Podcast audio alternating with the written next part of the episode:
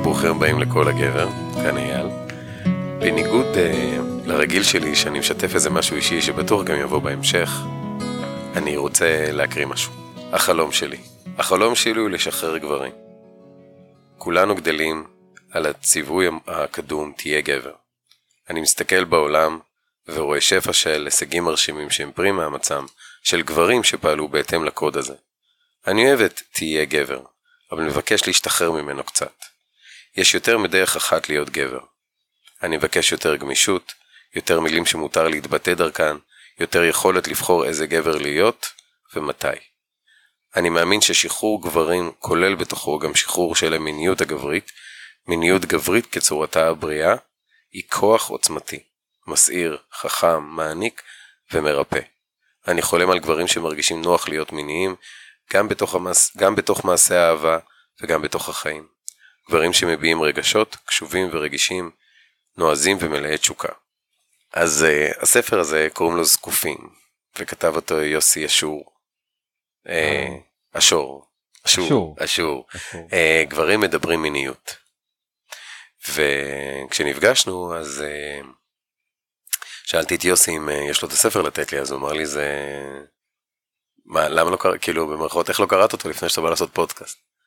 אז אמרתי לו, אחד, אני גבר, שתיים, מיניות תמיד מעניינת אותי, אני לא צריך איזה, אה, ואני סומך, אני סומך שגבר לא סתם מוציא כזה ספר, וגם בתדר שאני מדבר אותו, והסיבה הרי אה, היא כתובה בכל מקום והיא נוכחת למי שומע את הפרק הראשון, את זה כפרק ראשון, שזאת המהות של אה, כל הגבר, להביא את כל הצדדים שלנו, להביא את כל האנרגיה שלנו, לא לבוא מהגבר של פעם, של ג'ון ויין, קלינט איסטווד, וללכת לגבר של הסדנאות, פרדס חנה כרכור, כאלה, אלא למצוא את מה שמתאים לנו, את הבלנס הזה, כדי שאנחנו נהיה מחוברים לעצמנו, ומתוך זה גם האישה שלנו תהיה מחוברת אלינו. אז יוסי, היי, אהלן, מה העניינים? מעולה, אני בבית שלך, בבית של אבא שלי. בית של אבא שלך, נכון? שיש לו נוכחות, אה, עוד רגע נדבר על אבא שלך. אה, תציג את עצמך. אז מה אני יכול להגיד? אני יוסי, ארבע פעמים אהבתי בחיים שלי. אהבת. כן, ארבע מערכות יחסים משמעותיות, כולן עם נשים. מהזוגיות השנייה יש לנו שלוש בנות שאנחנו מגדלים אותן בהורות משותפת. היום אנחנו בזוגיות הרביעית, והיום אני בזוגיות הרביעית, יחד עם רעות, והיא המתוקה והממלאת מכולן. מה שמעניין אותי בשלב הזה של החיים זה מיניות גברית, אבל לא תמיד הייתי כזה. רגע, אתה גם מנחה מעגלים.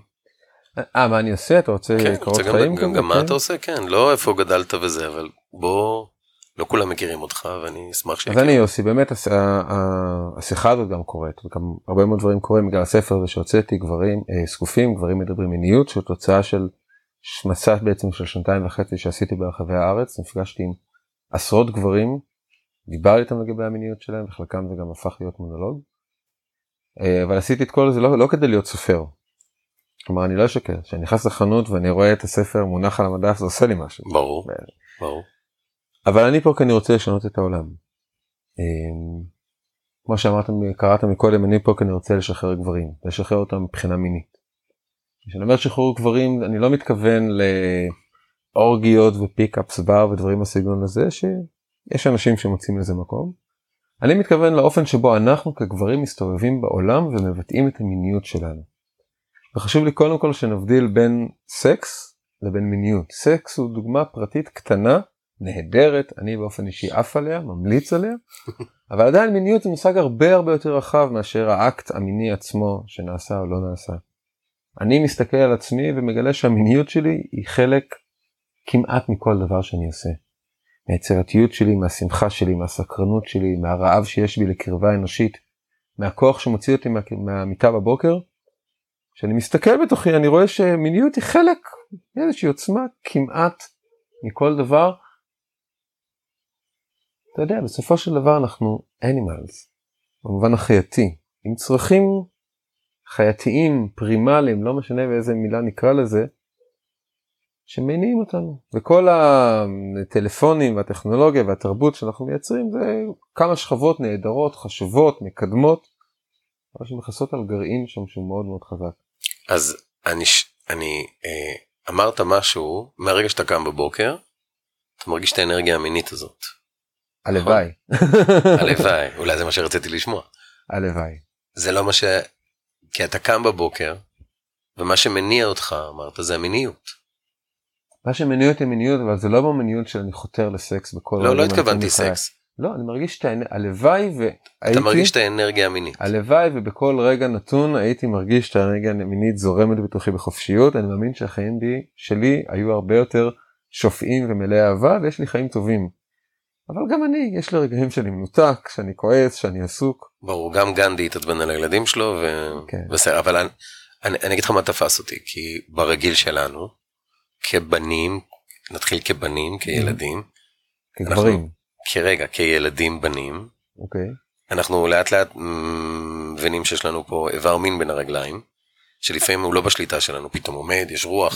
אתה יודע, יש גיל כזה, אתה יודע, הרוח באה, עומד חזק, פותח את המקרר. יודע, עומד, כן, כל הזמן במטוס, פתאום הלחץ אוויר, עומד. וזה מתחבר באמת למיניות. מתישהו זה מתחבר למיניות. נכון. ואז אתה צריך להסתיר את זה, ואז אתה צריך, אתה יודע. ולא, לא אתה יודע אתה אומר את זה בכזאת טבעיות. אני אומר את זה מתוך כמו סטיגמה כזאת, לאו. דווקא זה אמת. זה מה שאני מאמין שכל גבר, כשתשאל אותו משהו מיני, אז אוטומטית המיניות, לפחות אצלי, מתחברת לאיבר מין. כאילו, מה מבדיל אותי מהאישה? מה מבדיל אותי מגבר אחר? אני... יש גם את השכל, את המשפט הזה שאני לא אוהב אותו, אבל אה, כשהזין עומד השכל בתח. כאילו זה, זה לא סתם, זה דברים האלה... עכשיו, למה אני אומר את זה? כי זה מדהים לראות איך שאתה דיברת על הדבר הזה, וישר חשבתי על הזקפת בוקר. אבל זה לא זה בכלל. זה לא זה. אז איך מאבחנים, מה זה אומר להיות עם מיניות בגוף? מה זה אומר להיות עם אנרגיה מינית? כי כשאתה דיברת, זה יכול להיות, אתה יודע, אנרגיה של חיים, אה, פשוט לקום בבוקר, אה, לחשוב על החיים, על הכסף, על, ה, אתה יודע, משפחה, על העבודה. מה אתה מתכוון שאתה אומר עם מיני, אנרגיה מינית? היום בבוקר אה, עבר איתי יום יום יום ארוך כזה נפגשתי עם ה... יש בחור שעובד איתי בזמן האחרון. כשנכנס לאוטו בבוקר אמרתי לו היום אנחנו הולכים לעשות אהבה עם העולם. כל לקוח שאנחנו נפגוש וכל מה שאנחנו נעשה אנחנו נעשה את זה באהבה. ואיך הוא הגיב?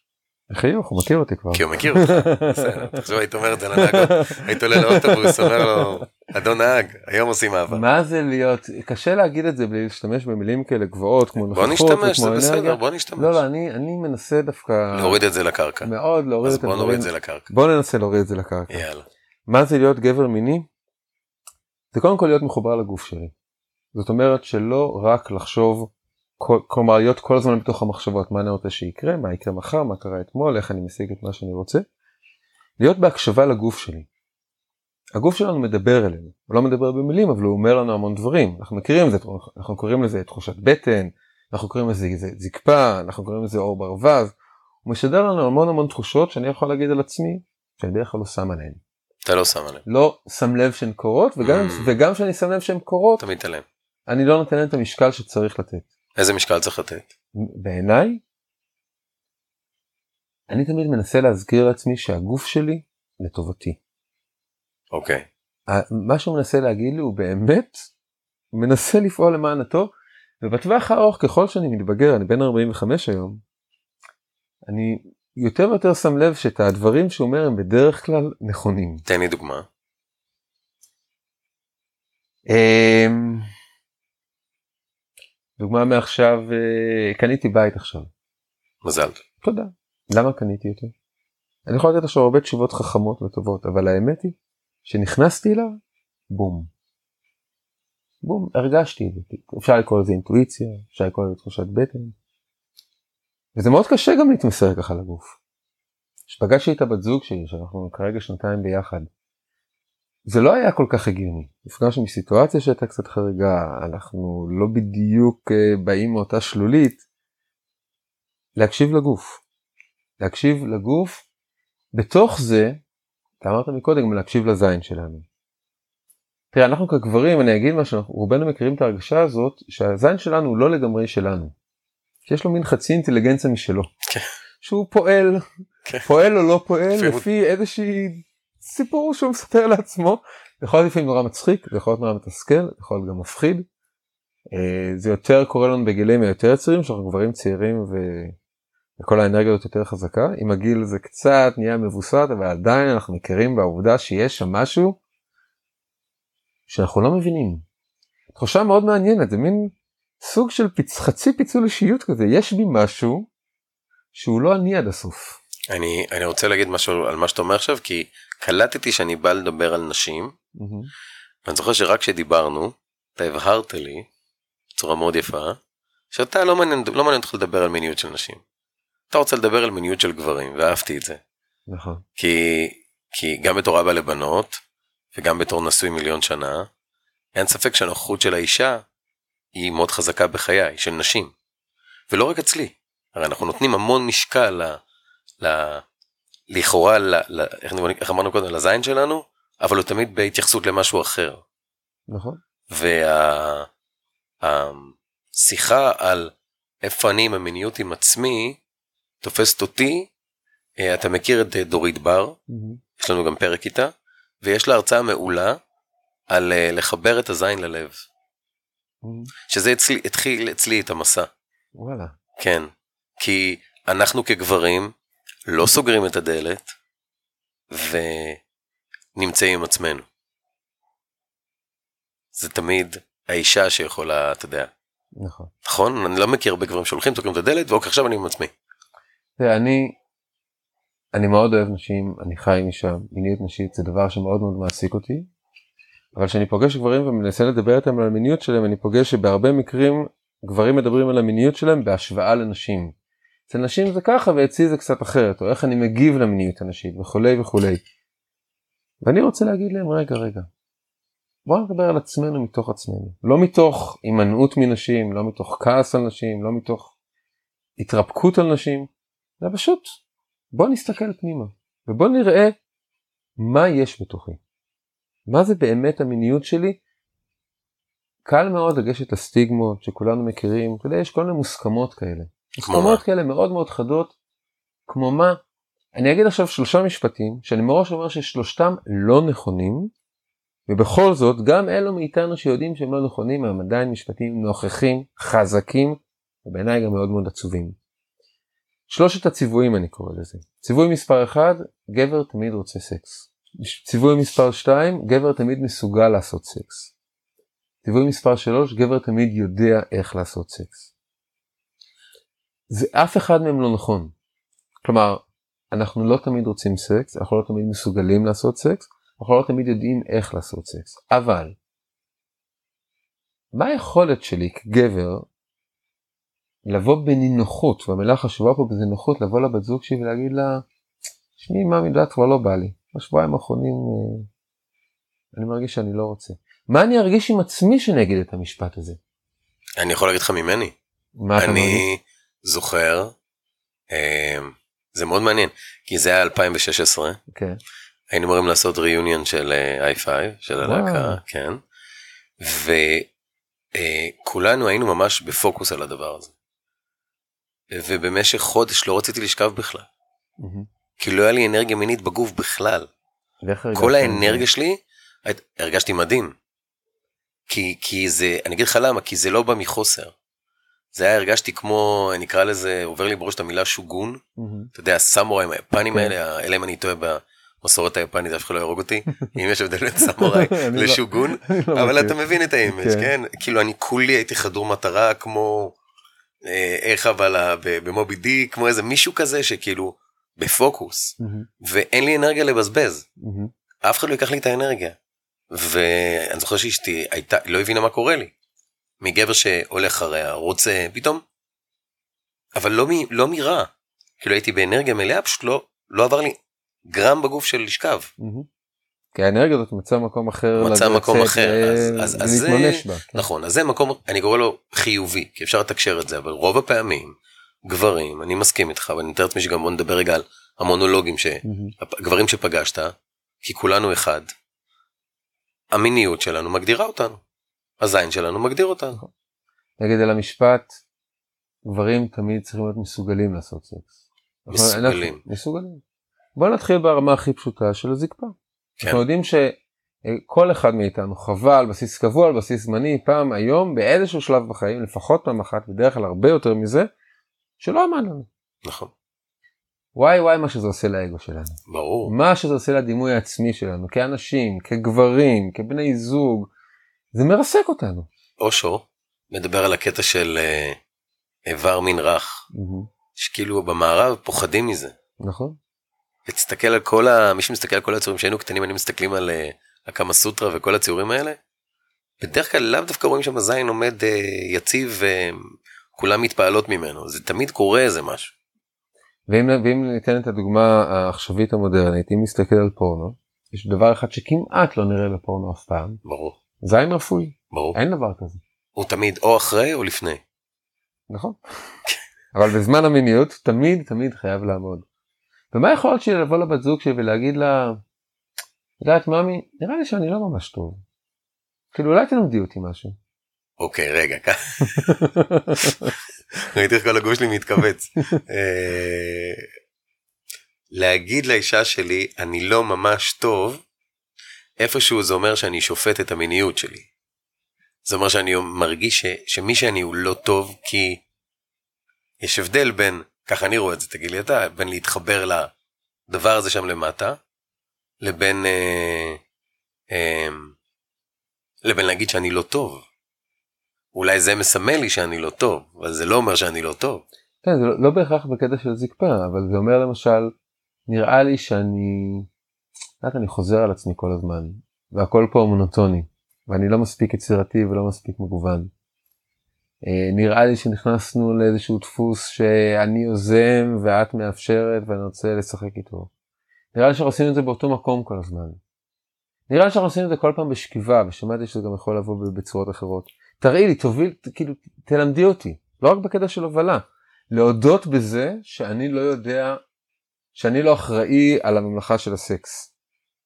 שאני לא שולט בה. אני חושב שמה שאתה מתאר אה, יכול מאוד לקרות בזוגיות ארוכה. שאתה מרגיש בטוח. אם אתה פוגש מישהי עכשיו בטינדר, הציפייה היא שיעמוד לך זין. כאילו, זה, זה המהות, הרי המפגש, הסטו... וזה בסדר, נכון. זה בסדר. אבל גם פה יש לחץ מטורף, יש חבר'ה בני, לא מדבר, מי, מי חבר'ה בני 20 ומשהו אמרת כשהיינו צעירים, אז היה עומד לנו מהרוח, ברור, ועדיין הם עכשיו לדעתי יותר בלחץ מאיתנו, כי הם כולם על כדורים, כי הם צריכים כל הזמן לתפקד, זה כבר לא... איפשהו זה כאילו, כי מה יגידו, כי פעם היה מה יגידו, אתה ואני בערך באותו גיל, לא הצלחתם איזה בחורה, זה נשאר פה. עכשיו זה יכול ללכת לכל מקום. יש לזה תיעוד ברשתות חברתיות, ויש לזה, אתה מבין מה אני מתכוון? נכון. זה תעודה אחרת לגמרי. מי לא עמד לי עם איזה מישהי, בסדר, no big deals. כאילו זה big deal אבל זה היה big deal big deal מאוד, זה היה. big deal מאוד big deal, אבל עכשיו זה עוד יותר אז הם כל הזמן מוכנים לקרב. נכון. אתה יודע, אני נפגש עם חבר'ה צעירים היום שאני מסתכל על המיניות שלהם אני רואה. שני הבדלים או שני דברים אחד שמאוד ממלא אותי אה, שמחה ותקווה והשני שמאוד מעציב אותי. מה? מה שממלא אותי שמחה ותקווה זה שאני מוצא הרבה יותר גמישות. הרבה יותר נכונות לשחק להתנסות דברים שאני זוכר עוד שאני הייתי למשל בגיל תיכון היו טאבו כלומר אתה עושה את זה שאתה פה אתה פה אם אתה מתנשק עם גבר כאילו. אה, אה, אתה הבנתי. היום יש הרבה יותר גמישות ללכת להתנסות נושאים של נטייה מינית נושאים של מגדר נושאים של איזה סוג של גבר אני איך אני מתלבש איך אני זז המחירים החברתיים שמשלמים היום נמוכים יותר. אני חושב שזה מאוד תלוי אה, אני אני יש לי צד אחד שמסכים איתך ואומר וואו איזה מדהים. ויש לי צד אחד שאומר זה לא מציאותי כי רוב האנשים הם לא ככה. רוב הגברים גם בארץ אנחנו במדינה מאוד צבאית עדיין כוחנית. אה, גבר אה, איך תגיד הבת שלי תגיד לך אבא אתה יודע יותר כיף היום להיות גיי. כי הם יכולים באמת להרשות לעצמם לעשות מה שהם רוצים. מה שפעם הם היו מסתתרים בה, ועדיין גם גייז מסתתרים במחשכים, עדיין יש הרבה, אתה יודע, נוער. שלא לא גאה או לא, לא, לא מחנכים אותו להיות מישהו ולחבק אותו כמו שהוא. אבל המיניות שלנו עדיין בסופו של דבר כגברים, היא באה לא מהפטמות שלנו, היא באה מהאיבר מין שלנו. המיניות שלנו מאוד, היא מאוד אה, עניינית. אה, אה, רובנו שאנחנו נכנסים לנו למיניות אנחנו עושים במקום, המש... בדרך כלל במקום של להיות בשירות, של לשרת את האישה. אני זוכר על עצמי רוב החיים המיניים שלי הייתי נכנס למיניות, ומה שהיה לי ברור לגמרי שאני קודם כל בשירות אל האישה, שאני האתגר שלי, ההצלחה שלי, שהיא תחווה את האורגזמה. כן, ברור. רק אחרי שהיא חווה את האורגזמה, שהייתה חווה את האורגזמה הראשונה, הייתי מוכן להסתכל על עצמי. אוקיי, אז מה אני רוצה באמת? אוקיי, בוא נ... יוסי, כאילו, כאילו רק עכשיו התחלתי. בא לי, לא בא לי עוד קצת יותר להתחמם, להתקרר. היה לי מאוד חשוב שהיא תגמור. אני יכול להגיד לך שבאמת אה, אה, אבן מייל בסיפור המיני שלי זה איזשהו תהליך שעברתי של להגיד לעצמי, אני לא אחראי על האורגזמה של הבת זוג שלי. זה לא אומר שאני, אני אוהב אותה ואני אשמח להיות לה לעזר ולשחק איתה, אבל לזכור שהיא בן אדם בוגר, שזה הגוף שלה, שהיא אחראית על עצמה, והיא יודעת מה הכוונה שלה ומה הרצון שלה, ואם היא לא יודעת זה המסע שלה. אם היא גמרה או לא גמרה זה לא אומר עליי כלום. כן, אבל, סליחה שאני okay. כן. אתפרץ לדלת פתוחה, כשאתה בא לשכב עם הבת זוג שלך, אם אתה תגמור קודם, ולא מעניין אותך מה קורה איתה, אז מה נשאר לך לעשות? אז בוא אני אסבך את הסיפור עוד יותר. שלב הבא שהגעתי לזה, הגעתי אליו קצת אחר כך, היה גם להגיד שגם האורגזמה שלי היא לא מטרה. או. כלומר אני נכנס למיניות ואני יודע, אני יכול להחליט מראש או להחליט תוך כדי או להחליט ולא לעשות את מה שהחלטתי, גם זה קורה.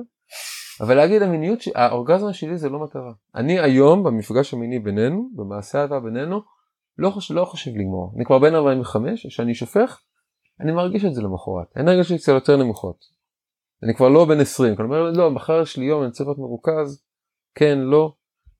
או מכל מיני סיבות, או באמת אני, אני מהגברים שמתי שאני שופך, אני מסובב את הגב עם זה דם. וואלה. ואני מה זה מתבאס מעצמי.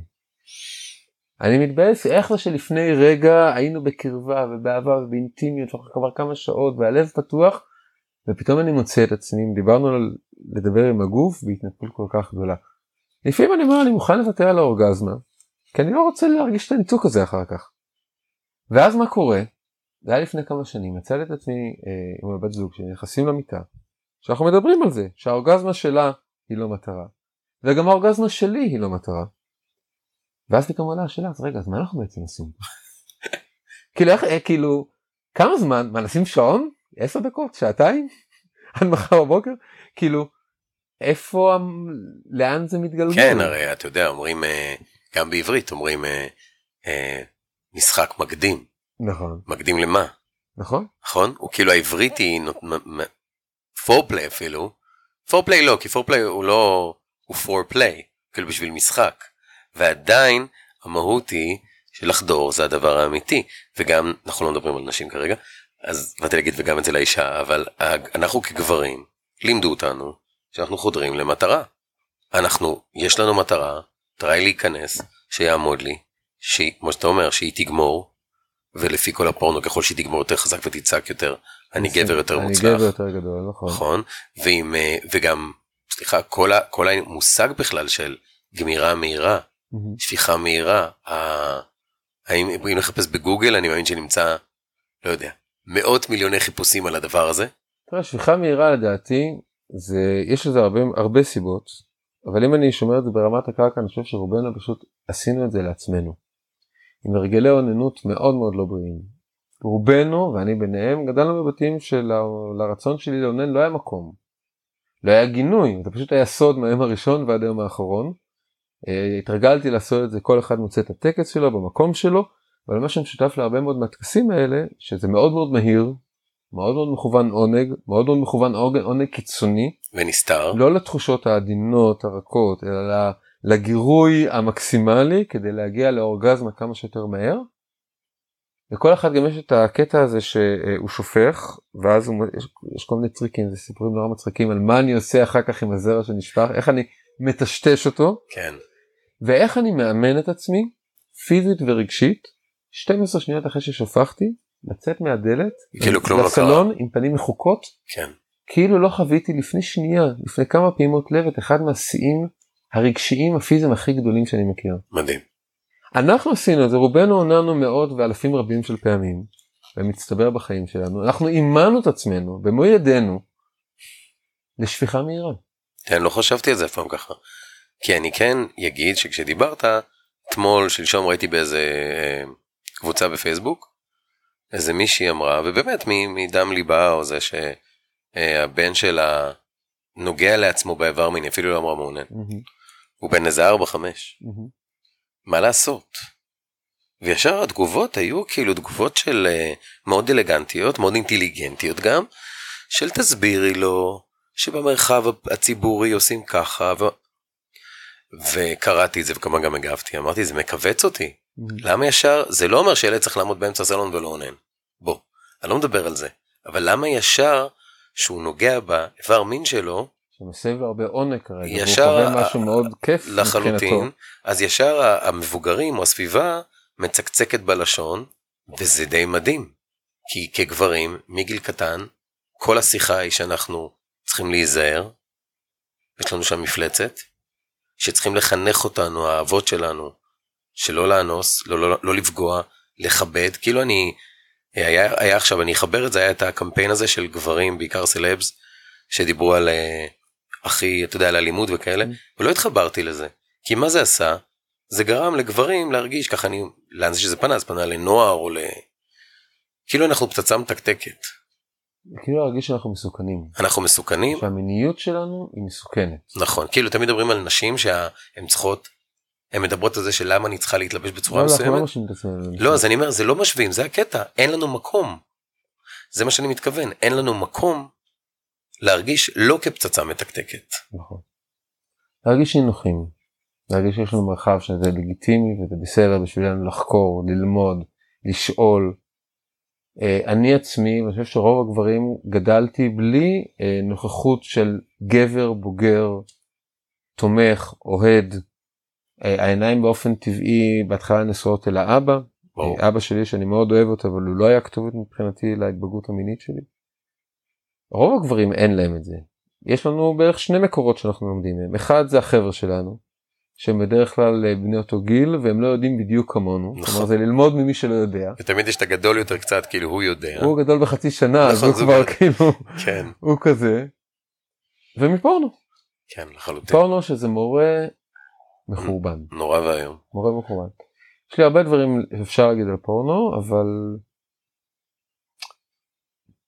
אתה יודע המחקרים היום אומרים האופטימיים אומרים שבישראל 2020 הגיל הממוצע לתחיל, לתחילת צפייה בפורנו האופטימיים אומרים 10 הריאליסטים אומרים 8. כן, גם עבר לי בראש. אני רוצה להגיד לך שגיל 8 להזכיר לנו שגיל 8 עוד אין זקפה עוד אין זרע עוד אין בכלל הגוף בדרך כלל אצל רוב הגברים בגיל הזה הוא לא מיני עדיין. ובגיל החביון זה עוד לפני אי שם גיל 10-12 שהגוף מתחיל. כלומר גברים כבר מפתחים רגילים של צפייה קבועה בפורנו עוד לפני שזה בעצם עושה להם משהו. הלחץ החברתי הוא כל כך גדול. אני תמיד אומר שאני פוגש מטפלים מיניים אני אומר להם או כאלה שלומדים להיות מטפלים מיניים אני אומר להם עומדת להיות לכם ים עבודה. גדל פה דור ש... שיצטרך את זה. כן, אה, אה, כן, מצד שני אני שומע הרבה אופטימיות, כי זה דור שמדבר על זה. אנחנו דור שלא דיבר על זה, על מה דיברנו? על השוואה בין איברים, נכון. ועדיין תיקח חבר'ה שהיו בגיל אה, 15-16 טיול שנתי או 13, קח אותם עכשיו בגיל 40 ומשהו, הם עדיין זוכרים את ה... מי מהחבר'ה יש לו את נכון. הזין הגדול, נכון? נכון. שזה די מדהים. נכון. חוויות מאוד חשובות. זה טקס, טקס התבגרות מאוד מאוד חשוב, שלחלק מהגברים יש אותו, לחלק מהגברים אין אותו. אה, לא יודע, אין לי סטטיסטיקות חצי חצי, שנקרא לו אוננות בצוותא. שכמעט תמיד זה לא אוננות אחד לשני, כלומר אין פה אה, מיניות בין, אבל זה טקס כזה שגברים צעירים נפגשים והם מעוננים ביחד, זה יכול להיות מול פורנו, זה יכול להיות אחד מול השני, זה יכול להיות מול... אני דבר מודה אחר? שאני אני לא חוויתי את זה. אני- כשאני מזהה, אני נפגש עם גברים וזה יוצא לי לא מעט, אני ממש יכול לזהות, אני כזה עושה עם עצמי מנחש, ואז אחר כך אני בודק. מי כן מי לא? כן, ממש, ממש? אפשר להרגיש. זה משהו בבושה. מי שעבר את זה, בחלק מהמקרים הוא כבר, כאילו זה, זה קצת מנרמל לו את המקום של אוננות למשל, או את המקום של הדימוי גוף. הוא אומר וואלה אני לא היחידי. מי שלא עבר את זה אף פעם, אפילו פעם אחת, אז האוננות, שזה רגע, אוננות זה, זה טקס מאוד מאוד חשוב בחיים שלנו, של רובנו. גם אם אנחנו לא מעוננים זה עדיין מאוד חשוב ומאוד משמעותי. מי שלא חווה את זה זה בעצם אומר שהאוננות הזאת היא תמיד תמיד הייתה פרטית, אישית, סודית. על זה בקלות עלולים, עלולים להצטבר שכבות של בושה, של אשמה, של תחושת בדידות, של פחד. תן לי כמה רשמים מהספר, לא מהספר, ממה שבנה את הספר, מגברים שפגשת, שהמיניות שלהם, אה, ואני מתאר לעצמי שהם גברים סטנדרטיים כמוני כמוך, סטנדרטיים.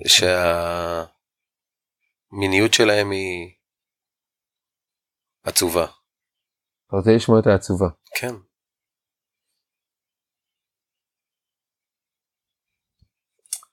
אני אקריא לך, אה, היה לי אה, דיונים ארוכים עם ההוצאה לאור אם לספר כזה צריך להיות אה, תוך עניינים או לא. אני אמרתי כן, הם אמרו לא, ובמקרה הזה ויתרתי. אז אני צריך לחפש את זה עכשיו. רק רגע. המונולוג הזה נקרא אני מבין שזה כבר לא רלוונטי. אה, זה גבר בן 52 שפגשתי אותו בהוספיס. אה, הוא חולה טרשת נפוצה, הוא כבר 20 שנה עם המחלה, מחלת ניוון שרירים. כשפגשתי אותו אה, נשארה לו קצת תנועה ביד שמאל. כל יתר הגוף כבר לא מתפקד, וזו מחלה נוראית, מחלה שהכיוון שלה הוא רק כלפי מטה, מנסים לעכב ככל האפשר, אבל כל, כל נזק שנוצר הוא רק מצטבר. אמ, הוא מקבל גרס רפואי ורוב היום בעזרת הקצת מה שנשארה לו ביד שמאל הוא נעזר בקבן, בקנאביס כדי אה, להעביר את היום שלו. אמרתי לו שחשוב לי שניפגש שהוא לא מסטול. קמתי נורא, נפגשנו ארבע פעמים, קמתי נורא מוקדם בבוקר, אמרתי לו שאתה יוצא מהמיטה אני שם. כי אני רוצה לשמוע אותך ככה. המנהג שלו די קצר, הוא מהקצרים, ואני רוצה אה, להקריא פסקה אחת שמדברת על, אה, על הסוף של המיניות שלו בעצם, על איך זה נגמר. הסקס עם אשתי הוא נקודה כאובה. לא הצלחתי להפנים שאישה לא עובדת על אוטומט. אשתי מאוד אהבה אותי, אבל לא נמשכה עליי כהוא זה. מההתחלה הסקס היה מאולץ. היא עשתה את זה כי זה מה שהיה צריך. אף פעם לא, לא ביוזמתה, בדרך כלל לפי לוח השנה ולא יותר מפעם בשבועיים. אותי סקס כן עניין, אבל לא יצרתי אצלה סיבה להימשך אליי. נישואין זה סידור מאוד נוח לגבר לא מושך. בהדרגה, עם התקדמות המחלה, נגמר לה.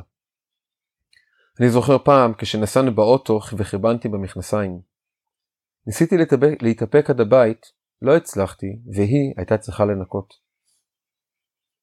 הגוף שלי המשיך לדעוך, ואז הגיע היום שהיא אמרה שהיא נגאלת, שהיא לא רוצה יותר סקס. אמרתי לה, מה, זהו? לא יותר אף פעם? והיא ענתה, נכון. לא אמרתי לה מה הרגשתי. קודם כל לי זה שובר את הלב. גם לי, אני, אתה קורא את זה ואני... ו... אני חושב שהוא מתאר פה באמת נסיבות טרגיות אה, אה, לא רגילות, אבל אני חושב שגם זה נוגע בפחד מאוד עמוק שלנו, שמה יקרה אם חס וחלילה יקרה איזשהו דבר בחיים שיגרום לי להבין שהערוץ הזה, שנקרא מיניות, אצלי סגור forever, לא בבחירת, לא בשליטתי. יהיה לי מאוד קשה לחיות עם זה. אבל המשפט האחרון שאומר פה, זה משפט ששמעתי אותו מלא. לא אמרתי לה מה הרגשתי. ולא אמרתי לה מה הרגשתי, זה בהרבה מקרים, זה לא רק שאני יודע מה הרגשתי ולא אמרתי, בחרתי לא להגיד לה, זה בהרבה מקרים גם זה לא אמרתי לעצמי מה הרגשתי. כן, לא מחובר לעצמי. לא מחובר לעצמי. אני פשוט עשיתי את זה ובלעתי את זה כמו גבר ואמרתי יהיה בסדר והמשכתי הלאה. וזה משפט שהוא טרגדיה. כן, אתה יודע, התחלת את המונולוג ואמרת הוא חולה בטרשת נפוצה, עברו לי שתי מחשבות בראש. אחד, שיט, למה המונולוג הזה? כי אולי גברים לא יתחברו לזה, כי טוב, הוא יש לו את הרשת נפוצה, זה לא אני, אני הרגיל. אבל המחשבה השנייה שעברה לי בראש, בגלל זה לדעתי גם אתה וגם אני ואני שמשהו יתחבר לזה, כי הטרגיות הזאתי שלנו כגברים, אחד, שמה שמגדיר אותנו זה אנחנו שוכבים או לא שוכבים. נכון. כי אתה יכול להיות מנכ"ל של חברה ענקית, תבוא הביתה, לא יעמוד לך, לא, זה לא מעניין בכלל.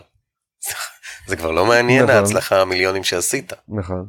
אה, אתה לא תרגיש גבר ששוכב ליד האישה שלו ואומר וואו. ודבר שני, באמת, הדבר האחרון שאמרת על להיות מחובר, לא אמרתי, כמה פעמים בזמן שאנחנו שוכבים,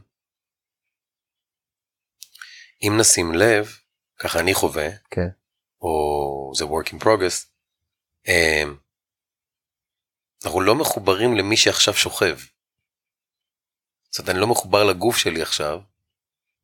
אני אומר, טוב, נו, בסדר, נו, אז... אני, אז... ואני, ואני חי בסרט. בסדר, אתה יודע, אז היא לא מנשקת אותי, אז כן. אנחנו, אז אני מבקש ממנה משהו והיא אומרת לו, או, או אני מרגיש מהמם. שהיא לא נמשכת אליי. אני מרגיש, זה שהיא אמרה לו את זה, זה גם שובר את הלב. אני אקריא לך עוד קטע אחד, כן. בבקשה. מה אני יכול להגיד על הבחור הזה? הוא הבחור שחי את החלום. עבד בהייטק, עבד, עבד, עבד, עבד, חסך, חסך, חסך, חסך, ולקראת גיל 40 גילה, תכנן והגיע. יש לו מספיק הון כדי לצאת עכשיו לטיול של כל החיים בעולם. יכול להיות על כסף של חסכונות. פגשתי אותו באמת בשבועות האחרונים שלו לפני שיצא לדרכו. אמ, אני אקריא עכשיו שוב פסקה אחת על מה קורה שלא מדברים. התחלתי לעשות סקס בגיל 17 עם מי שבהמשך הייתה אשתי. היא הייתה אתלטית, יותר גבוהה ממני, ואני כל כך רציתי אותה, כבר מהרגע הראשון. הסתרתי ממנה את האוננות. התביישתי. פחדתי שהיא תראה את זה כבגידה. פחדתי שניפרד, שזה יפגע בה. פחדתי שהיא תרגיש שהיא לא מספיקה. לא הרגשתי חריג או לא בסדר, כי היה לי ברור שכולם עושים ביד מול פורנו. אבל התאמצתי שהיא לא תדע. הפעם הראשונה שהיא גילתה זה באמת היה כמו שציפיתי. ריב מפוצץ ו"למה אתה עושה את זה?" אמרתי לה שזה טבעי ושכולם עושים את זה, ולא אמרתי לה את הדברים שבאמת הרגשתי. לא אמרתי לה שאני מתוסכל מחיי המין שלנו. לא אמרתי שאני מתוסכל מזה שאנחנו לא מדברים, שאין בינינו את הפתיחות הרגשית שהייתי רוצה. לא אמרתי לה שאני מתוסכל מזה שאנחנו עושים את זה בשתי פוזות, ושאני שופך מהר, ושהיא כמעט אף פעם לא גומרת. לא ידעתי להגיד. לא היו לי מילים. אמרתי לה שזה טבעי, ושאני לא הולך להפסיק, ובסופו של דבר היא קיבלה את זה. לא ידענו מה זה שיח אינטימי. כשהיינו רבים היינו מתכסחים, נרגעים, קצת מתפייסים, והרבה דברים טוטאו מתחת לשטיח. אני המשכתי לאונן בחדרי חדרים, והיא ידעה, אבל יותר לא שאלה. בגיל 30 התגרשנו. מה זה עשה לך? תשמע, זה עושה לי עצוב, אתה ביקשת את הקטעים העצובים, אז אני מביא את העצוב. למה זה עצוב?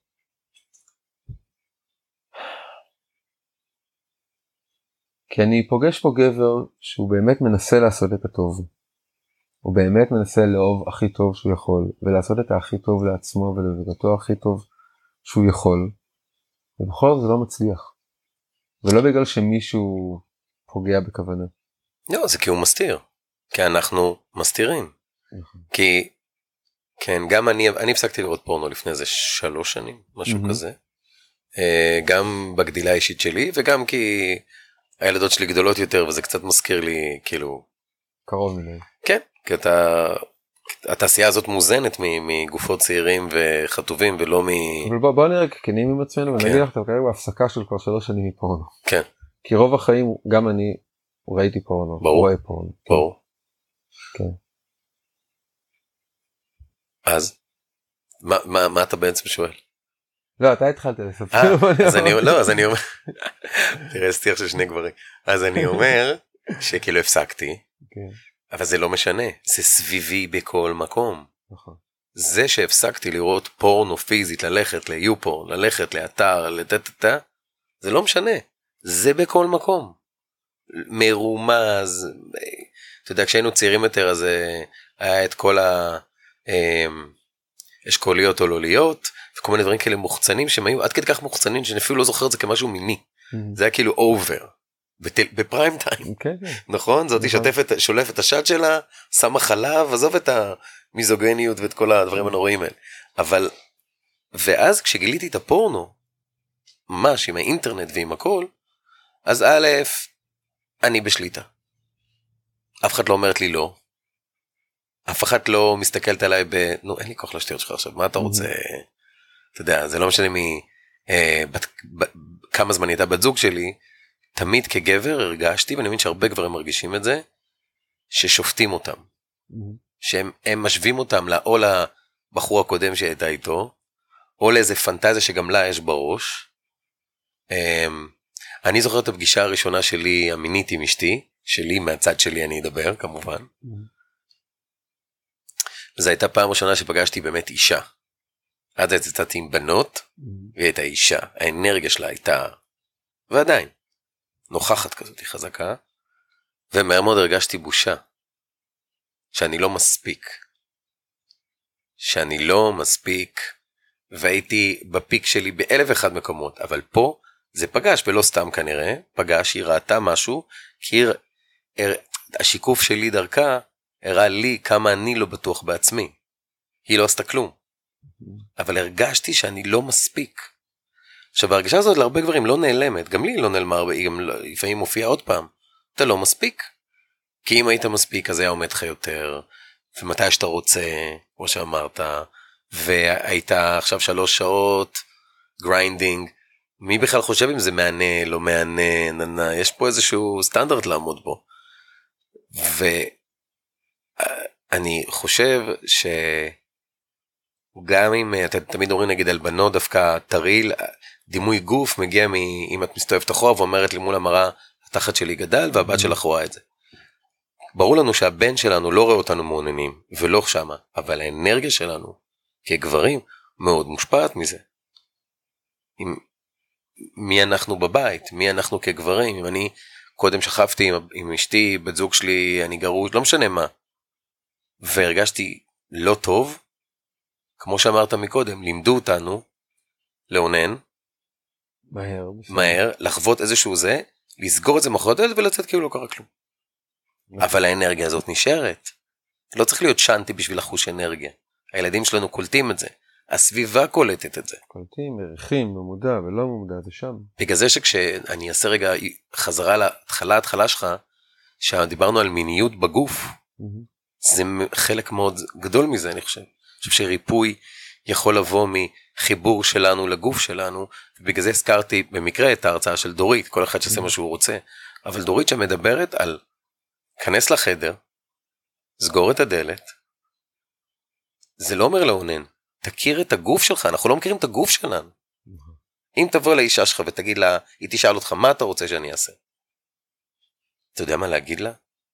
מעבר לבנאלי, אתה יודע, תסיק, אה, אתה יודע מה להגיד לה? אולי מענג אותך דווקא הבוהן שלך. אולי ליטוף מאחורי האוזן תוך כדי, אני לא יודע, אתה יודע? אז איך אנחנו מצפים שמישהו יכיר אותנו נכון. ולא להיות מתוסכלים עם... אה, אני אספר לך איך, איך אה, אני מתחיל הרבה שיחות עם גברים לגבי המיניות שלהם.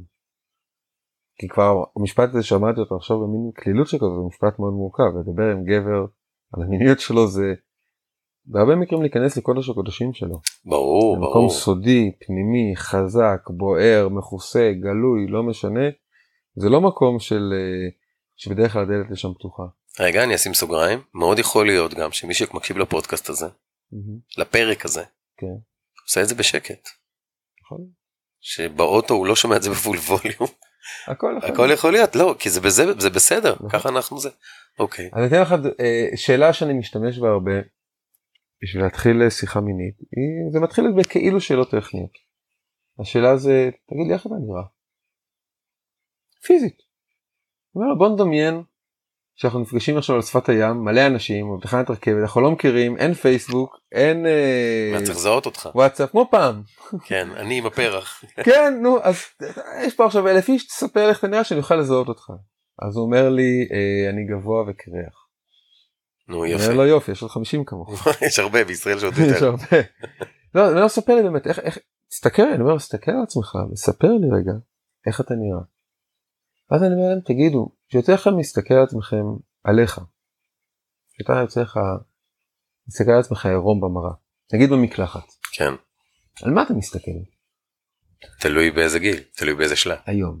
אני על איזה דברים העיניים שלך יותר מתמקדות, מתמקדות ונשארות שם כמה שניות ארוכות או אתה בוחן משהו או מקפיץ איזה שריר או עושה פרופיל. על איזה דברים על איזה חלקים בגוף שלך. אם אתה שואל אותי אני יכול לענות. Uh, תלוי בזה נגיד עכשיו אני מרגיש שהשיער uh, שלי מדלל וזה מעצבן אותי Mm-hmm. אז על זה אני מסתכל. כן.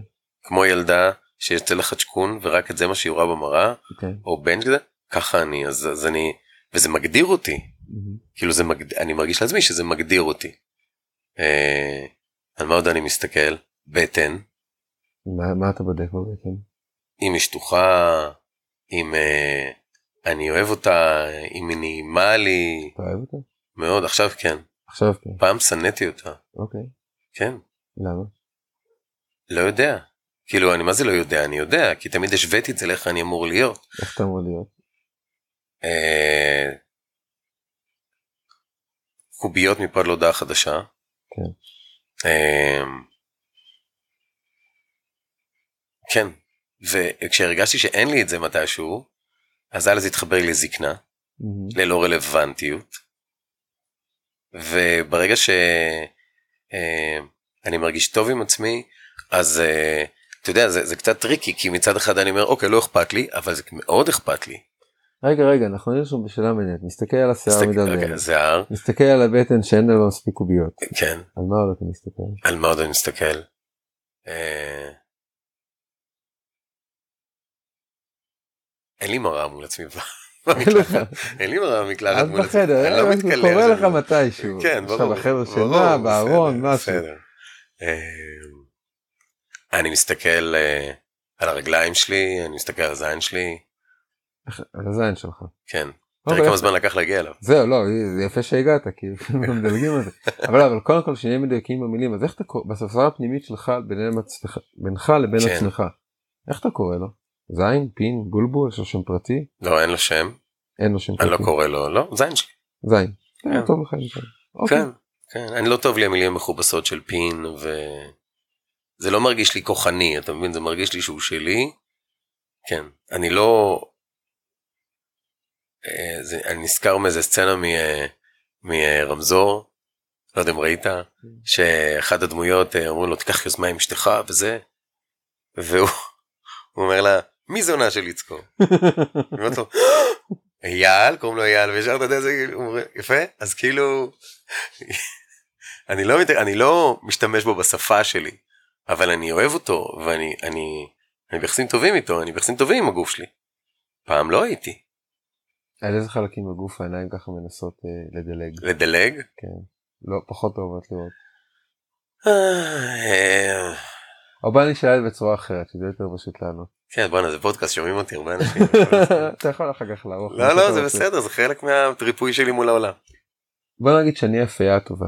כן, וולט דיסני כזה. עכשיו כן. אני מנופף פה בכנפיים יש לי שרביט קסמים ביד.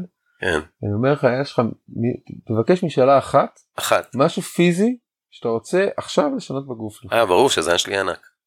אוקיי. ישר, כי זה לא משנה מה זה הגודל לא שלו, לא אתה- אפילו לא עצרת לערער. ברור, כי זה לא משנה מה הגודל שלו, לא, כן. זה לא משנה אם תראה אני כבר מצטדק שמישהו חושב שלא יחשוב שיש לי קטן, ברור. זה. מדהים, אבל זה לא משנה מה הגודל שלו, הוא תמיד יכול יותר. מכל הדברים בעולם. כל הדברים בעולם אמרת בגוף. שיער מדלדל, זה לא אמרת. הזקנה, ברור. אמרת, אין. בכלל שאלה, ברור, ברור שמפה אנחנו ברור, מתחילים. ברור, אני חושב אוקיי. ש-100% מהגברים יסכימו איתי. ברור, זה כאילו, אני אגיד לך למה, זה סטייל, גבר תמיד יכול להביא עוד ילדים, זה משהו קשור ל... זה מה שמגדיר, כאילו זה זה. גבר תמיד מסוגל, זה מתקשר למה שאמרתי מקודם, גבר תמיד מסוגל לעשות סקס. נכון. זה לא אומר שזה יעשה לי טוב. זה לא אומר שזה אבל זה אומר נכון. שאני, בגלל שאני גבר, אני נכון. צריך להיות מסוגל. ברור, ברור. ואם אני לא עושה את זה, אז אני למה, לא אז אני לא גבר. ומה המילה ללא גבר? לא יודע. הומו. לא, זה לא מתחבר ללא גבר. זה לא מתחבר ללא גבר, אני, לא, בגלל זה לא סתם אמרתי, זה לא מתחבר ללא גבר, לא, לי זה מתחבר, לא, ממש לא, אני, לא, לא. לי זה מתחבר דווקא למשהו שאנחנו לא מכירים, וזה לא מהתקופה שלנו לסריסים. אתה יודע, שהיו חותכים להם, מהמם. כאילו, איזה גבר זה, הרי כולם, לא יודע אם ראית משחקי הכס, יש, משחקי הכס מגיעים לאיזה, אה, מגיעים לאיזה מקום, ויש שם צבא שלם של 8,000 גברים. מהמם. ומי שמובילה אותם זה קליסי שהיא אישה, אומרים לה אל תדאגי. הם מסורסים כולם. הם הלוחמים הכי טובים בעולם כי זין לא מנהל אותם. אני לא יודעת אם משחקי הכס זה היה לי מדי ומיני מדי בשבילי. בסדר, אני גם לקח לי זמן לראות אותו, אבל uh, לא, אני, אני, אני אהבתי אותו, אבל אני אומר, uh, זה נגיד, הנה, אתה מבין, זה שם זה מחובר לי, ל, ללא גבר, כאילו אם אני גבר ואני עומד פה ואני, uh, אז מה אני, מה יש לי לתת לחברה בכלל? נכון. יש הרבה מה לתת, אבל אנחנו ברור, רגילים, ברור, אנחנו רגילים מדברים על לראות הרגילים. את זה דרך העיניים האלה, נכון, כן. נכון. אולי נסתכל על סיפור שמח. סיפור שמח. כן. אני שומע לפעמים אנשים שאומרים על הספר למה יש בו נימה שכאילו למה נותן יותר מקום לסיפורים העצובים. זה לא נכון יש פה גם סיפורים שמחים. ואני אומר כאילו אנחנו חיים בחברה שבה אה, אה, לבטא אה, הצלחות ושמחות ואהבות יש יותר לגיטימציה פייסבוק ועוד כל מרכזים אחרים. אבל לבטא את המקומות שאני כואב לי שעצוב לי שאני מרגיש לבד שאני מרגיש מפחד. במיוחד לגברים אני חושב. יש לנו פחות מקומות שזה בהם אנחנו נרגיש נוח לעשות את זה. אנחנו רגילים כאילו לשמור את זה בפנים. ואז. כשמדליקים את האור שזאת בעצם הפעולה שהספר הזה מנסה לעשות. להדליק את האור מה לעשות שמה שהוא מגלה שם זה בעיקר את הכאבים. כן, זה כמו ללכת לחדר הלבשה בחנות, ותמיד התאורה שלהם מחורבנת, אז אתה אתה אומר כאילו מה, אתם לא רוצים למכור בגדים? אתה מהר מאוד שם עליך את החולצה, או אלא אם אתה יודע, זה- זה קטע, זה... נכון. ומה שמדהים הוא בעיניי, זה מתחבר מקודם למה שאמרתי, מה הייתי רוצה, שזה לא משנה מי אתה, כגבר, תמיד אתה תמצא בעצמך איזה פגם, שהוא זה שמוביל אותך, ואנחנו כבני אדם, זה הגיוני, זה גם בחיים, שהוא זה שאתה יודע, שחושב שכולם רואים. אני אקריא פה קטע שבעיניי מתאר מה זה להיות גבר מיני או איזשהו חלום מיני. אני חושב שהרבה גברים יכולים להתחבר לזה. פעם אחת הרגשתי חופש מיני אמיתי. הייתי בדרום אמריקה, באכסניה זולה, עם מישהי, וסביבנו היו צעירים ודיברנו עד שכולם הלכו לישון. אז התחלנו להתנשק ופשוט טרפנו אחד את השנייה בטירוף שמעולם לא היה לי. בלי מחשבה. עשינו את זה בשירותים ובמקלחת ובמעונות עד הזריחה. זה לא היה נוח והיינו חייבים להיות שקטים ואני לא גמרתי והיא לא גמרה ובכל זאת זו הייתה החוויה הכי יצרית שהייתה לי בחיים. היא הייתה משולחת רסן. היא זזה ונגעה ואפשרה לי להיות מי שאני. היא כל כך רצתה שאפילו לרגע לא פחדתי מתחייה ולא חשבתי מה הדבר הנכון לעשות. הייתי חופשי. איתה לא פחדתי להיות מוזר ושונה. וככה אני רוצה להרגיש. מאוד עוצמתי. אני חושב שלפעמים שאני שואל, פונה לגברים ואומר להם מה הפנטזיה שלכם אז הם מתחילים לענות לי אני רוצה ככה ושתעשה ככה ואני רוצה שיש שלישייה ואני רוצה שיהיה שפת הים וכולי וכולי. אני קצת מקשיב לזה ואני אומר להם אוקיי בסדר. עכשיו ספרו לי מה אתם רוצים להרגיש. כן. איך זה יתממש באיזה מציאות פיזית זה יקרה יש הרבה אפשרויות. מה אני רוצה להרגיש היום? אני רוצה להרגיש חזק? אני רוצה להרגיש עטוף? אני רוצה להרגיש חלש אולי? אולי אני רוצה לפחד היום? אולי אני רוצה להרגיש שאני מתמסמס למיליון רסיסים ומתאחד עם האחד הגדול? אני לא יודע מה. אולי אני רוצה להרגיש מחוזר. אולי אני רוצה להרגיש יפה. מתי פעם אחרונה אמרו לי שאני יפה? בהנחה שאין לי את השש קוביות ואת הלוק ה- שאני חושב שרובנו לא כ... אני לא כזה ורובנו גם לא. מתי פעם אחרונה אה, אמרו לי שאני יפה? כשאני, אומר- כשאני מדבר על זה עם גברים, משהו שעולה בהרבה מקרים זה הרצון להיות, אה, הרצון להיות מחוזר. אני חשבתי זה איך שאמרת את זה על המחוזר, זה התחבר לי להתמסרות. כי הרבה פעמים זה עובד הפוך, זה כמו שאתה אמרת בהתחלה, מה היא רוצה, אני אתמסר, אתה יודע, כאילו, או איזה סוג של פנטזיה מעוותת, כאילו, שבאה מפורנו, אתה יודע, של... אה, אה, היא מסתכלת עליך בעיניים כלות, תוך Mhm. כדי שהיא יורדת לך, ותודה רבה שבאת לי את הזין המדהים שלך. אבל זה לא ההתמסרות שאני מדבר עליה, התמסרות של חגיגה של הגוף. סטייל מה שהוא תיאר, כי הוא תיאר משהו. לא הייתה בו גמירה, אבל הייתה פה חגיגה. היה פה טירוף חושים. עכשיו, לרובנו, מה לעשות, בוא ניקח בזוגיות, לא משנה אם אתה, מה שאמרת, רביעית, חמישית, או נשוי 800 שנה, או שבוע. לרובנו זה מחובר ל... אתה מכיר את זה, נו. טוב, כבר אין את הפרפרים, טוב, כבר אין את ההתאהבות, טוב, עכשיו, מה זה אומר? אני עדיין אותו בן אדם. למה ה... החגיגה לא יכולה להמשיך? אפשר למלא, אתה יודע, תירוצים כמו כביסה, ילדים, משכנתה, נה נה נה, אבל כשנפגשים גוף בגוף, כדי לא להיות, ככה אני רואה את זה, כדי לא להיות, אה, אפילו יש לי, אני מקצין ואני אגיד dead man walking. כי מי שוכב פה עכשיו? מי, מי שוכב פה? אתה יודע, זאת, מה שאתה מתאר כרגע זה משהו ששומעים אותו הרבה, שומעים אותו בתרבות, אפשר לשמוע אותו מהרבה גברים, בעיקר בגברים שנמצאים בזוגיות קצת ממושכת, אולי נשואים, אולי לא, שמתארים מה היה פעם לפני הזוגיות הזאת, איך הזוגיות נראתה בשלבים הראשונים, שיש עדיין את ההתאהבות ואת ההתרגשות של ההתחלה, ואחר כך יש את השגרה עם החיים, אולי ילדים, אולי לא, אולי משכנת, אולי לא, אולי כן, פשוט uh, כן. החיים העמוסים והמהירים. בהרבה מקרים גם יש שם נימה גלויה או סמויה של האשמה כלפי האישה, זה בגללה. אני רוצה, אני בסדר, והיא כן. לא. ברור. תלונה מאוד נפוצה, שומעים אותה הרבה בהרבה מאוד וריאציות. וכשאני שומע את זה אני לפעמים אומר, בוא נעלה פה שאלה. אני רוצה לעלות שאלה, היא שמעה קצת מפחידה, אבל אני רוצה רגע שניתן לה את, ה, את הזמן שלה. והשאלה היא, תגיד, אולי אתה פשוט לא סקס טוב? אולי אתה מעפן בסקס? לא, בוא באמת, בוא נניח לרגע שזוגתך היא בן אדם שרוצה שיהיה לו טוב. בן אדם ששואף באמת לעבור חוויות שיטיבו עם החיים שלו. אתה רוצה שיהיה לו טוב. לא, אני אומר, היא, עזוב אותה, היא, היא רוצה אה, שיהיה טוב. אוקיי, אוקיי. ובוא בוא רגע נניח, בוא נעלה את השאלה, שאם המפגש המיני איתך היה כל כך כל כך אה, אה, אה, מעצים ומעיף, ש, ששני הצדדים יוצאים ממנו שהם מרגישים שהם במשהו קצת יותר גדול, קצת יותר רחב, קצת יותר שמח, קצת יותר גמיש, יש סיכוי שזה היה גורם לה לרצות את זה עוד. שאני אני, אני מסכים איתך, ולי עולה מהמקום של שכשנכנסת לסקס, סליחה אני אתקן, למעשה אהבה, זה גם התייחסות, mm-hmm. ויצאת ממנו, הרגשת, ו- ויצאת ממנו, הרגשת מלא ולא מרוקן. נכון. לא מרוקן, כי אחרת מה אתה עושה פה? מה אנחנו עושים פה? נכון. לא אתה, לא, אין פה מי שמקשיב עכשיו הוא אשם. זה לא קשור לא לשאלה לא כמה אורגזמות היו עם היו. בכלל לא קשור. יכול להיות סקס שהוא היה עם שבע אורגזמות, אני מסיים אותו ואני מחפש את הכפתור האדום, איפה אני גורם לך להיעלם עכשיו כי אני לא רוצה אותך אף פעם. יכול להיות מפגש מיני שאולי הוא לא נוצץ וזוהר והוא לא כלל במדוחות אבל כשהוא נגמר אני מרגיש טוב עם עצמי. אתה מרגיש בבית. ואני מרגיש בבית כן. ואני רוצה שזה יימשך ואני רוצה להתקרבל איתך עד האביב הבא. זה מזכיר לי שכשפגשתי את אשתי אה, זה היה שנתיים בתוך הלהקה. וכשפגשתי אה, אותה אז הרגשתי בבית. Mm. ממש אני זוכר הרגשה עשתה לי איזה פסטה. הגר עובר דרך הקיבה לגבר, אבל מה שהרגשתי בבית. כן.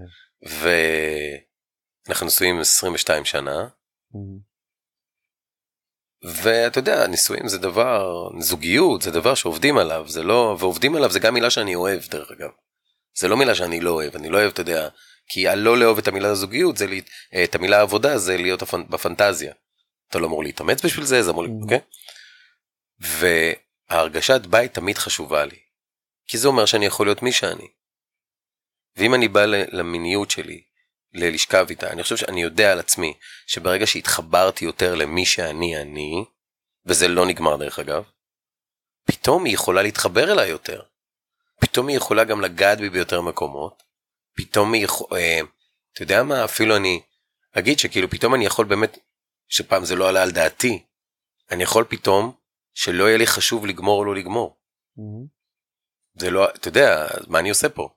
בדיוק, נכון. מה אני עושה פה? מה המטרה של כל זה? מה המטרה? אם התכנסנו. ברור, אם בסוף אנחנו שוכבים נכון, ואני לא גומר, נכון, או אני לא, זה, אז מה אנחנו בכלל, אה, כי כל הזמן יש את המרדף אחרי האורגזמה גם לאישה, אומרים רק עלינו, כגבר, אצלנו המרדף דרך אגב הוא הפוך בעיניי, הוא רק לא לגמור.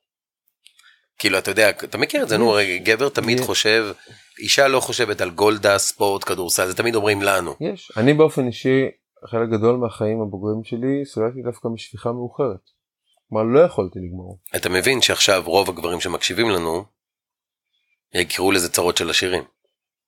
אני יכול יכול להיות אני יכול להגיד לך שלי זה גרם לייסורים ולבושה אין קץ למה? כי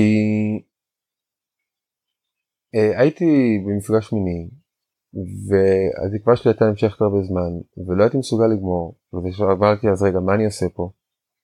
הכי התביישתי בעולם שגיליתי שהדרך היחידה שאני מסוגל להגיע לשפיכה זה אם אני אי אפשר לראות את זה מבחוץ זה משהו שקורה רק בתוכי. שאני בתוכי מריץ איזשהו סרט פורנו Mm. שראיתי אולי היום אולי לפני שנה אני מריץ אותו ורק אז אני מסוגל להגיע כן, ואז אתה לשפיכה. לא נוכח בכלל.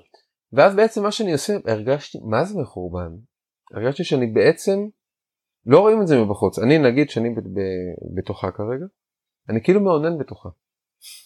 אני לא איתה בכלל היא כלי. היא כלי מה זה כלי הכי כלי בעולם כן. הרגשתי עלוב הרגשתי רמאי הרגשתי שקרן הרגשתי פגום כן, בגלל שזה לא שאתה בא לזה בעוצמה. אתה בא לזה ואתה, אני יכול לשמוע את ההרגשת זיוף. את ההרגשה אני שאתה... איתך אני איתך אני נגיד שאני אוהב אותך או מרגיש משהו וחשוב לי מה שקורה פה אבל כדי להגיע לאיזשהו שיא שחשוב לי אני חייב להתנתק. ממך וללכת למחוזות שאני מאוד לא גאה בהם ורק אז אני מצליח להגיע לשיא אתה מבין? זה מין תערובת של גועל ובושה ככה אני הרגשתי כלפי עצמי. אז יוסי.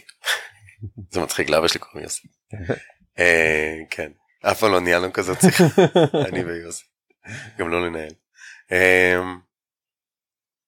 לפני שאני אומר לך תודה רבה על הכל, אני הקראתי חלק קטן מהחזון שלך.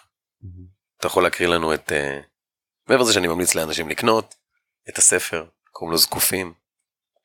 לקנות לקנות העיקר שיקראו. שיקראו, בסדר, אף אחד לא הולך לספרייה, אז אני אומר לקנות. אני פוגש רעב עמוק לחכמי השבט. לאותה מדורה סביבה יושבים זקנים וצעירים כל ערב. אליה אפשר ללכת כדי לשאול או כדי להקשיב. בחיים שלנו יש פחות מדורות כאלה.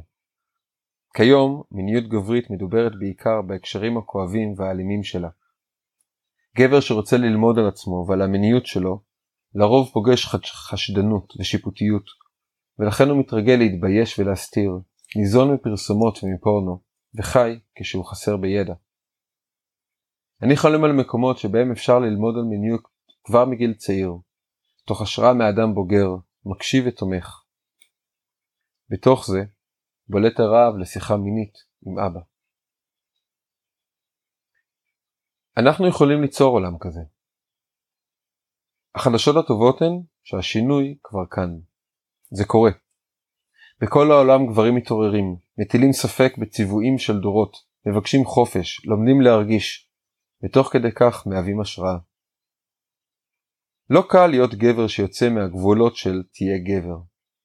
מי שעושה את זה מסתכן בתגובות ציניות, בביקורת, ואפילו באלימות. במובן העמוק, אלה סימנים טובים. טבעי ששינוי אמיתי יעורר התנגדות. אני מקווה שכולנו, גברים ונשים, נהיה בעלי ברית לאותם גברים. ועוד דבר, השחרור שלנו כגברים והשחרור שלכן כנשים מחוברים זה לזה. הדרך הרבה יותר ברורה ואפשרית כשהולכים אותה יחד. אני חולם על עולם שבו גברים ונשים נפגשים בשלום. ועל זה נאמר אהו. זה נאמר, במהרה בימינו. טוב, אז יוסי, היה לי לעונג, גם לי.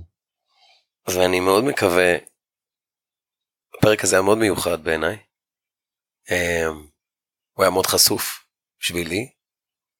אמ, אני מאוד הייתי רוצה שגבר שמקשיב לפרק הזה, כי גם נשים מקשיבות לפרקים האלה, שגבר שמקשיב לפרק הזה, ואפילו אישה יכולה, אבל גבר, באמת, בוא נלמד להכיר את הגוף שלנו.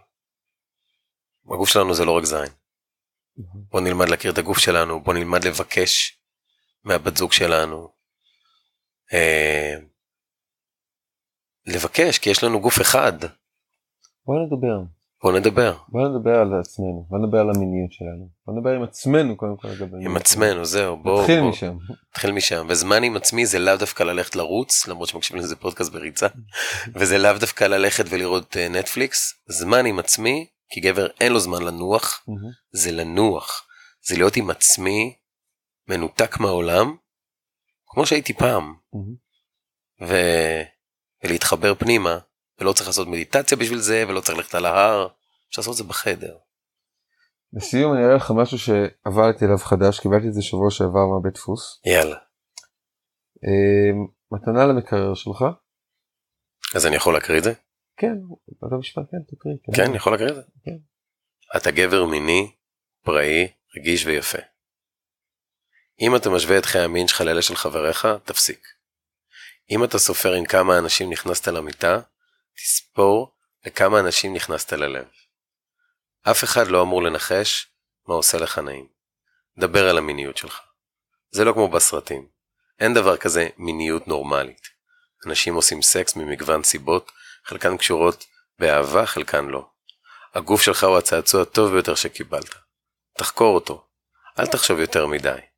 אתה קיים כי יש בך תשוקה לחיים, כל הרגשות הם יפים, והצרכים המיניים שלך הם חלק ממה שהופך אותך לאנושי. תזכור שסקס אמור להיות הוגן, נעים, ותכלס די מצחיק. למד להבדיל בין אישה יפה לאישה סקסית, וגם בין גבר יפה לגבר סקסי. תקשיב לנשים, תקשיב להן ממש טוב. תבדיל בין מגע ומיניות. פתח את הראש, הלב והרגליים לחוויות חדשות ואנשים חדשים. כשמדובר בסקס, הליכה לאיבוד תעזור לך למצוא את דרכך. אני אוהב את זה. תשמע, תשמיע קולות, תגנח, תשאג, בושה היא מחלה סופנית.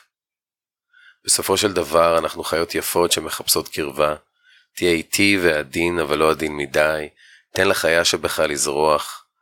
מצא לפחות חבר אחד איתו תרגיש נוח לדבר על המיניות שלך, בכנות, באומץ וברגישות, ותעשה את זה לעיתים קרובות. לא צריך לבחור שוקו או וניל, אפשר גם שוקו, גם וניל, גם תות בננה. שאל את האדם הבא שתפגוש מה התשוקות שלו, ושתף אותו בתשוקות שלך. כל מפגש הוא הזדמנות להיות אמיתי. אהבה היא התשובה לרוב השאלות. קיבלת. תודה רבה יוסי.